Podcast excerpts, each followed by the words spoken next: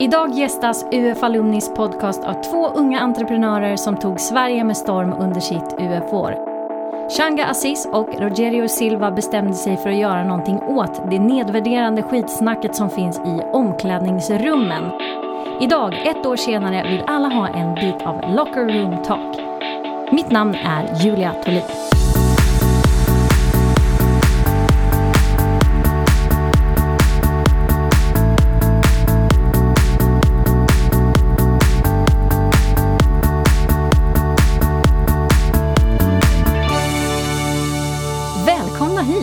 Tack så mycket. Sist eh, vi sågs så var vi på SM i Ung Företagsamhet när jag var konferencier. Och då sprang ni upp på scenen för att ta, ut, ta emot priset för årets UF-företag. Exakt. Vad har hänt sen sist? Oj. Det har hänt en hel del sen sist och frågan är vart man ska börja. Ja, vi vann ju SM. Det var ju då vi träffades där på, på scen. Men sen så åkte vi vidare till EM med UF-gänget och tog hem en andra plats i Bryssel. Nu vill inte jag bara dra massa priser, men eh, en andra plats fick vi i, i Bryssel och tog hem Facebook-priset. Och det var egentligen för ert arbete under ert UF-år med era sociala medier. Exakt. Och nu vill jag ju såklart höra mer om hur ni, gör, hur ni, hur ni har gått tillväga för att lyckas på Facebook. Men eh, inledningsvis här i podden, kan inte ni berätta lite mer om själva affärsidén? Ni träffar eh, unga killar i omklädningsrum. Är det så enkelt? Ja, om man säger så. Vi går ut till olika sportklubbar där vi träffar unga killar från 10 till 14 år för att snacka om jämställdhet i en förebyggande syfte. Så det är själva affärsidén. Så då har vi tagit fram en, en samtalsserie som vi kallar för Locker Room Talk-metoden. Och då är det åtta olika föreläsningar där varje föreläsning är 15 minuter. Så en gång i veckan 15 minuter innan träning i åtta veckor. Vad var det ni gjorde på Facebook eh, som gjorde att ni fick ta emot priset? Ja, alltså vi har jobbat mycket med, med Facebook och mycket medvetet också. Så när vi startade så kom vi ju ganska snabbt fram till att vi har ju två olika målgrupper. Det är både killarna i omklädningsrummen, men de träffar vi när vi väl ses i omklädningsrummet och kör våra, våra pass med dem. Men sen för att vi ska komma till omklädningsrummen så måste ju deras föräldrar och de måste vara ledare och vuxna människor som också fattar eh, att det här är viktigt. Och de finns på Facebook. Så där, vi bestämde ganska tidigt att amen, vi startar bara en Facebook-sida. Och så har vi inte Instagram, vi har inte Twitter, vi har ingen riktig hemsida heller utan vi, vi kör bara Facebook. Och sen så jobbar vi därifrån. Och sen är ju Facebook, alltså det finns ju så mycket man kan bygga på som jag tror att man inte inser kanske när man liksom bara, många UF-företag skapar ju en Facebook-sida och sen så lägger, upp, lägger man upp en bild och så har man en beskrivning och så är man nöjd där. Och det förstår jag om man inte har börjat liksom utforska Facebook för det finns ju så himla mycket att hitta.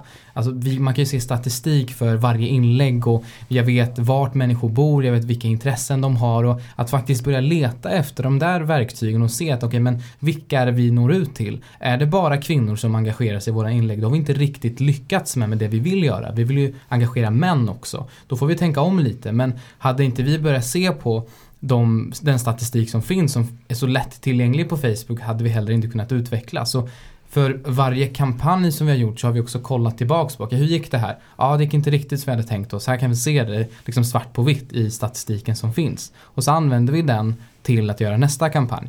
Och det har väl varit en grej. Och sen också när vi tog och lade upp till exempel bilder på att vi har varit ute och snackat med grabbar från 10 till 14 år på vår Facebook-sida. Så märkte vi att det var föräldrar och tränare som tyckte att det här var någonting bra.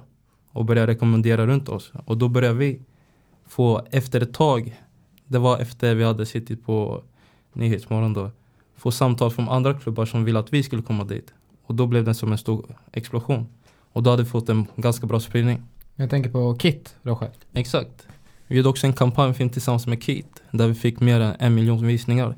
Och eh, det gick inte så himla fort tills ja, siffrorna på visningarna tog oss steg.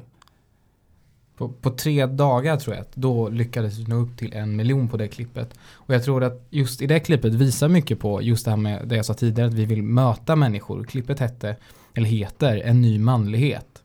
Och inte vi hatar alla, alla andra människor som inte tycker som oss. Jag tror det är en ganska stor skillnad som också välkomnar människor att, ja men så här, shit vad är det här för någonting, jag vill veta mer. Eh, Berätta, vad är den där, vad är den nya manligheten? Att man kan vara sig själv. Att man inte ska behöva gå ut efter normer. Eller där folk förväntar sig. Och killar kan vara på olika sätt. Exakt. ja, men tusen olika sätt. Och det är okej. Vad är Locker Room Talk idag? Är det ett företag eller hur, eh, hur ser liksom formen ut för det? Idag är Locker Room Talk en ideell förening som funkar väldigt bra i när det kommer till idrottsföreningar för att man kan hitta en mycket bättre form som passar det, den verksamhet som vi vill driva. Så därför bestämde vi oss för att fortsätta så. Eh, och eh, som också skapar en möjlighet för oss att fa- faktiskt göra det vi vill göra med vår verksamhet. Jag tror att UF var väldigt bra för att vi ska, skulle kunna få testa våra idéer och få verkligen, för UF är ju på så många sätt en livlina. Jag kan ju göra fel hur många gånger som helst och det enda jag förlorar det är tid. Men nu när man kör efter UF så har man ju mycket mer att tänka på. Och därför så var vi ju ganska övertygade om att vi vill hitta en bra form som också gör att vi men, minimerar risken för att göra, eller, göra misstag helt enkelt. För att här finns det inte samma typ av utrymme som man har när man driver ett UF-företag. Vad är liksom de stora utmaningarna som ni eh, märker av nu när ni är i den här, ni har blivit en ideell förening men ni upptäcker säkert massa saker som är skillnader mellan att driva UF-företag och ha, ha det som en registrerad förening. Jag kan säga så här, största skillnaden för mig är att eh, jag, jag hade ju UF när jag gick i tvåan. Så nu går jag i trean. Sen han har tagit studenten så jag kan inte hålla på lika mycket som jag gjorde förut. Men vi är ju fler. Så Ni är det, fler? Ja, Mm. det är inte bara jag och Rodge utan vi har en kompis som nu jobbar med oss som heter Hampus. Och så har vi en till som heter Julia. Och vad gör de här, Hampus och Julia? Hampus är verksamhetsansvarig och utbildare så han är med mig och utbildar ganska mycket nu när Roger inte kan vara med och Julia har mer hand om samarbeten, kommunikation, typ Facebook, eh, sånt som hon tycker är superintressant. För grejen med vår verksamhet det blir att vi kan ju inte ha tjejer som föreläsare i omklädningsrummen för då förlorar vi kärnan i, i, i det hela. För vi vill vara killar som pratar med killar. Eh, och av naturliga skäl så blir ju blir det så att det blir killar som är ute och föreläser. Man vill ju vara ute så mycket som möjligt och så många ställen som möjligt fast det är det som, man, det som du säger man vill. Man måste vara fler och fler hela, hela tiden. Och sen är ju målet, och vi har ju börjat spåna på det redan nu i och med de samarbeten vi har, till exempel med, med Riksidrottsförbundet och kollar på hur vi kan bli fler föreläsare. Så till årsskiftet så ska vi testa på ett antal, eh, visst antal distrikt eh, runt om i landet. Vi har inte bestämt eh, ungefär hur många, men ambitionen är att få totalt 38 föreläsare. Eh, och det ska vi börja testa nästa år. Det är ju verkligen ett Mm. erkännande att få till eh, samarbetet med Riksidrottsförbundet. Ja, men det är det ju. Eh, Men jag tänker, vi hade ju det som mål redan i början när vi tog fram vårat upplägg. För när vi började spåna på alltså ett koncept för att jobba i omklädningsrummen så det har ju varit någonting som vi har drivit precis redan från start. Att det fanns inga verktyg att jobba med den här frågan och det är ju jättekonstigt. Att det finns, in- ledare har inget konkret att jobba med utan det är texter och fina formuleringar men inte hur man ska göra. Det står i massa policydokument att så här, gör det och det finns inga hur. Exakt. Det är också det många tränare har sagt till oss när vi har varit ute och föreläst. Det står att vi ska arbeta med just schyssta värderingar och jämställdhet och hur man ska bete sig mot varandra i lagen. Men vi har inga material. Och då var vårt största mål att se till att få fram de här materialen. Det känns ju stort på något sätt att Riksidrottsförbundet också ser att det här, att det är en viktig fråga och att de har ju, nu har ju de lagt jätte, de har ju massa insatser för just det här att jobba förebyggande och jobba med inkluderingsfrågor. Ja, bara de senaste månaderna har man tagit nya direktiv och har satt nya mål. Det känns jättekul att, ja men från att vara ett UF-företag till att nu faktiskt vara med i, i den processen där vi ändrar svensk idrott när det kommer till ja, jämställdhetsfrågor. Det är så häftigt. Changemakers. Jag är nyfiken på eh, hur det faktiskt funkar i omklädningsrummen. När ni kommer till, säg, Finspångs eh, fotbollsklubb. Eh, hur tas ni emot?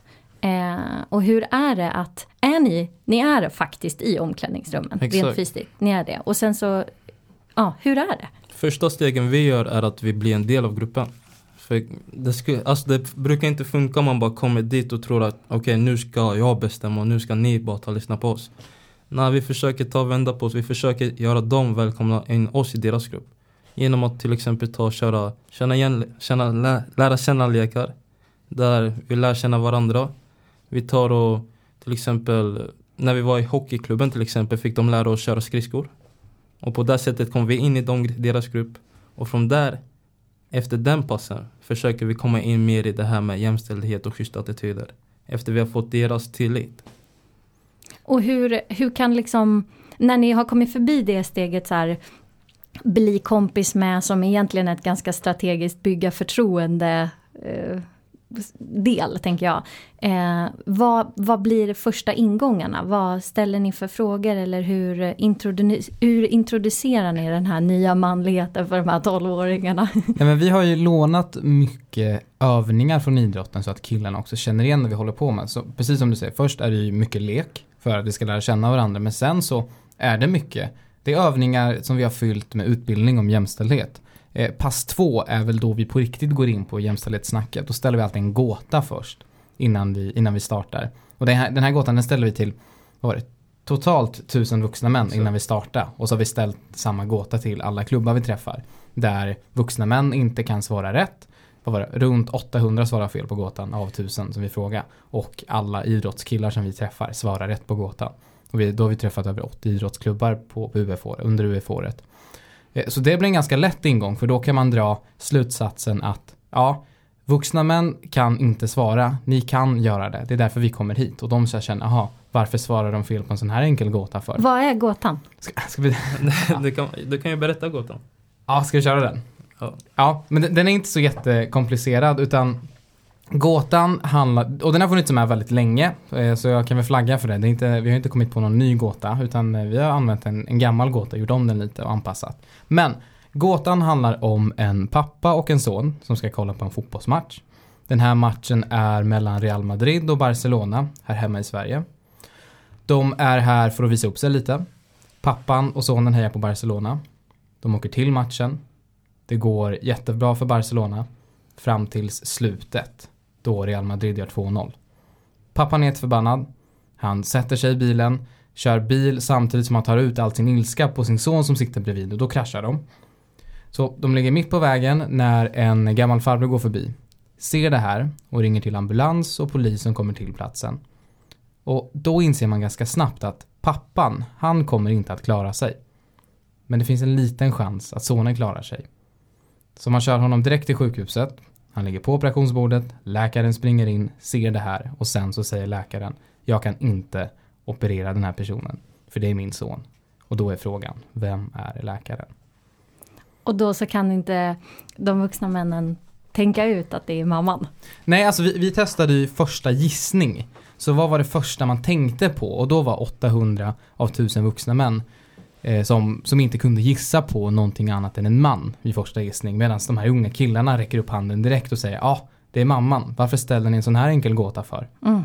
Jag ska också säga att jag har hört den här gåtan mm. förut. Mm. så att eh, det kan vara absolut så att jag också skulle vara där, mm. bias. Och, mm. Men eh, gud vad intressant och vad skönt att höra att de svarar rätt. Eller mm. ja, att de kan se förbi det. Mm. När vi är inne på det här så tänker jag att vi kan slänga in frågan som ni fick från eh, Kajsa Lundborg som var med i ett annat avsnitt. För den har lite med det här att göra. Kajsa här. Eh, jag undrar hur, vad, vad ni har för bästa tips för att prata om jämställdhet utan att göra någon, någon arg. När, om man har ingången, som jag sa tidigare, att man ska att man ska gå till attack eller att man ska dumförklara och, och att man har som inställning att de här förstår ingenting och vi ska se till att de gör det, då tror jag inte att resultatet blir bra heller utan vi, vi låter dem själva tänka. Vi ger dem förutsättningar och sen så får man använda dem för att börja tänka själv. För oftast brukar det vara så här om man snackar med en person som inte står för jämställdhet alls eller kokar så fort den hör orden feminism. Då brukar det bli, alltså det brukar eskalera ganska snabbt och då Alltså man får inte hamna i där punkten då man försöker dumförklara varandra istället. Vill du lägga till något? Det såg ut som du hade något på tungan. Jag tror det är den utgångspunkt som vi har haft. Att inte dumförklara och använda ett lätt språk. Att om en person som har svårt att snacka om frågan börjar eller vill liksom börja snacka om det så kanske man inte ska använda sig av det svåraste språket man har utan då kanske man låter dem vila lite. Eh, och så pratar man så enkelt som möjligt för att det viktigaste av allt är att man börjar prata om det och att man förstår och sen vartefter när personen väl har blivit intresserad så kommer ju det komma automatiskt. Men börjar jag, precis som vi gjorde i omklädningsrummen, att ja, när vi startade så snackade vi i två timmar med killarna och nämnde saker som, om, alltså vi, vi stod i två timmar och pratade om samhällsstruktur, normer, patriarkat och feminism. Då hängde inte killarna med. Men idag när vi står och pratar om påhittade regler, schyssta attityder, att vara en snäll kompis, det fattar de. Och jag tror att på samma sätt som vi anpassar vårat språk med, med killarna i omklädningsrummen så måste man anpassa sitt språk eh, beroende på vem man pratar med. Jag undrar om ni har blivit ifrågasatta för att ni är män och driver någonting som man skulle kunna kalla för en feministisk kamp? Jag, jag, jag tror inte det om jag får svara på det direkt sådär. För att det är väl klart att det finns enstaka personer som inte tycker att det här är en viktig fråga. Men generellt så har vi upplevt, upplevt att det är många som, som peppar oss i det vi gör och tycker att det här är någonting bra. För oss är ju en feministisk kamp där alla är med och driver kampen tillsammans. Så det är ju både män och kvinnor och människor som inte identifierar sig som man eller kvinna. Utan det här tror jag att vi, det är en fråga som vi alla måste vara med och, och, jobba med för att vi ska kunna se en förändring. Och, och vår ingång har ju varit att ja, men, vi kan inte göra allt. Det är också därför vi har försökt göra det så enkelt och konkret som möjligt. Vi är killar som åker till omklädningsrum och snackar med andra killar. Det är där vi börjar. Och det är vårt sätt att bidra och vara med och driva frågan framåt. Ja, det hade varit en helt annan sak om ni skulle så här uppfostra unga tjejer i hur Ah, där är ja, det precis, liksom, där händer en annan. Och det kan vi inte göra. För jag har inga erfarenheter, Roger du har inga erfarenheter inga av hur det är att vara ett tjejomklädningsrum och då kan inte vi driva den frågan heller utan vi bygger mycket det här på, på våra egna erfarenheter. Vi vet hur det är att vara i ett omklädningsrum bland grabbar och vi känner många som också vet hur det är. Där vi tagit hjälp av deras erfarenheter också och utifrån hela all den information som vi har så kan vi också känna oss trygga med att vi, vi kan göra någonting vettigt och vi faktiskt få resultat med unga killar där vi ser att någonting händer. Men vi kan inte ta oss an hela frågan vid ett första läge. Sen så kan vi bygga vidare på det tillsammans med andra. Men, men vi driver ju inte feministiska kampen själva. Jag tror inte någon gör det utan det här är någonting vi gör tillsammans. Jag tänker på eh, i samband med att eh, den här hashtag metoo eh, kampanjen eller eh, ja, vad ska man kalla det för, virala händelsen. Ehm, då så publicerade ni ett eh, inlägg på Facebook. Är ni någonsin rädda för att det ska liksom landa fel eller ja, hur ni ska träffa rätt för att det är ju ett finlir där tänker jag i ja, det kommunikativa kring de här frågorna. Ja men vi, vi läser igenom våra texter ett par gånger innan vi publicerar. Det, det är självklart. Och det är framförallt för att vi vill att folk ska förstå det vi vill nå ut med. Vi vill inte att det ska bli ett missförstånd kring, kring det vi jobbar med. Och jag tror att när vi publicerar, om det är ett inlägg där vi ska engagera folk och vår största målgrupp det är att få killar och män som inte riktigt tycker att jämställdhet är superviktigt. Att försöka nå ut till dem. Och när, om jag skriver ett inlägg på, på vår sida där jag försöker nå och engagera så skriver jag ett inlägg riktat till dem. Och än en gång, inte dumförklara utan jag förklarar hur läget funkar, jag förklarar hur jag tänker och jag bjuder in till samtal. Och jag tror att har man den utgångspunkten så, så slipper man också de här missförstånden.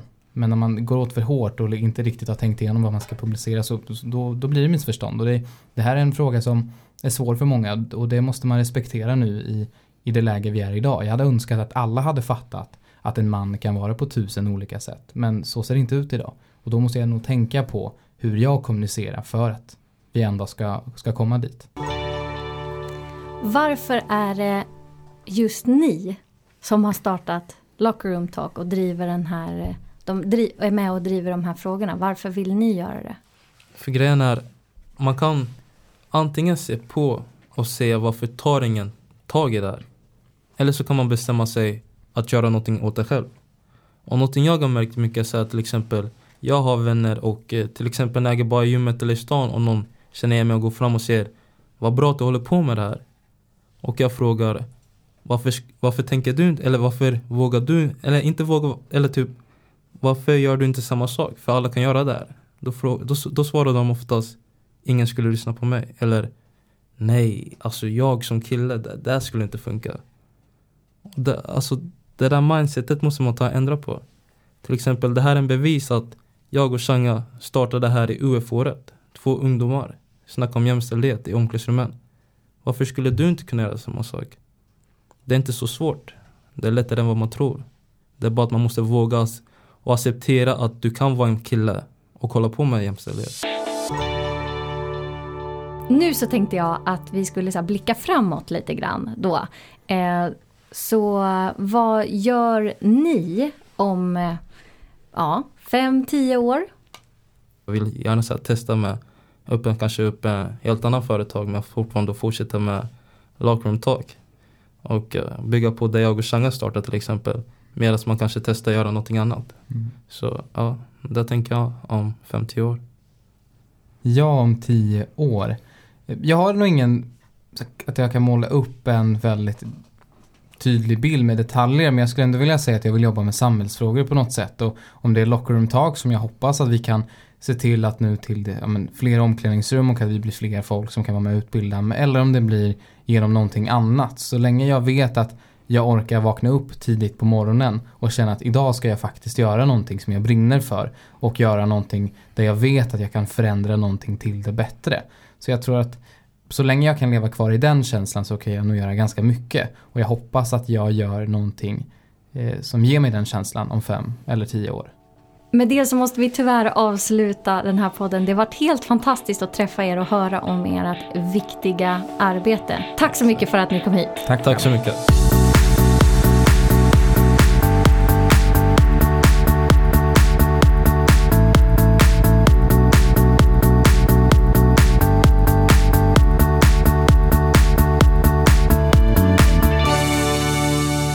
Sugen på att uppleva SM i Ung Företagsamhet som alumn?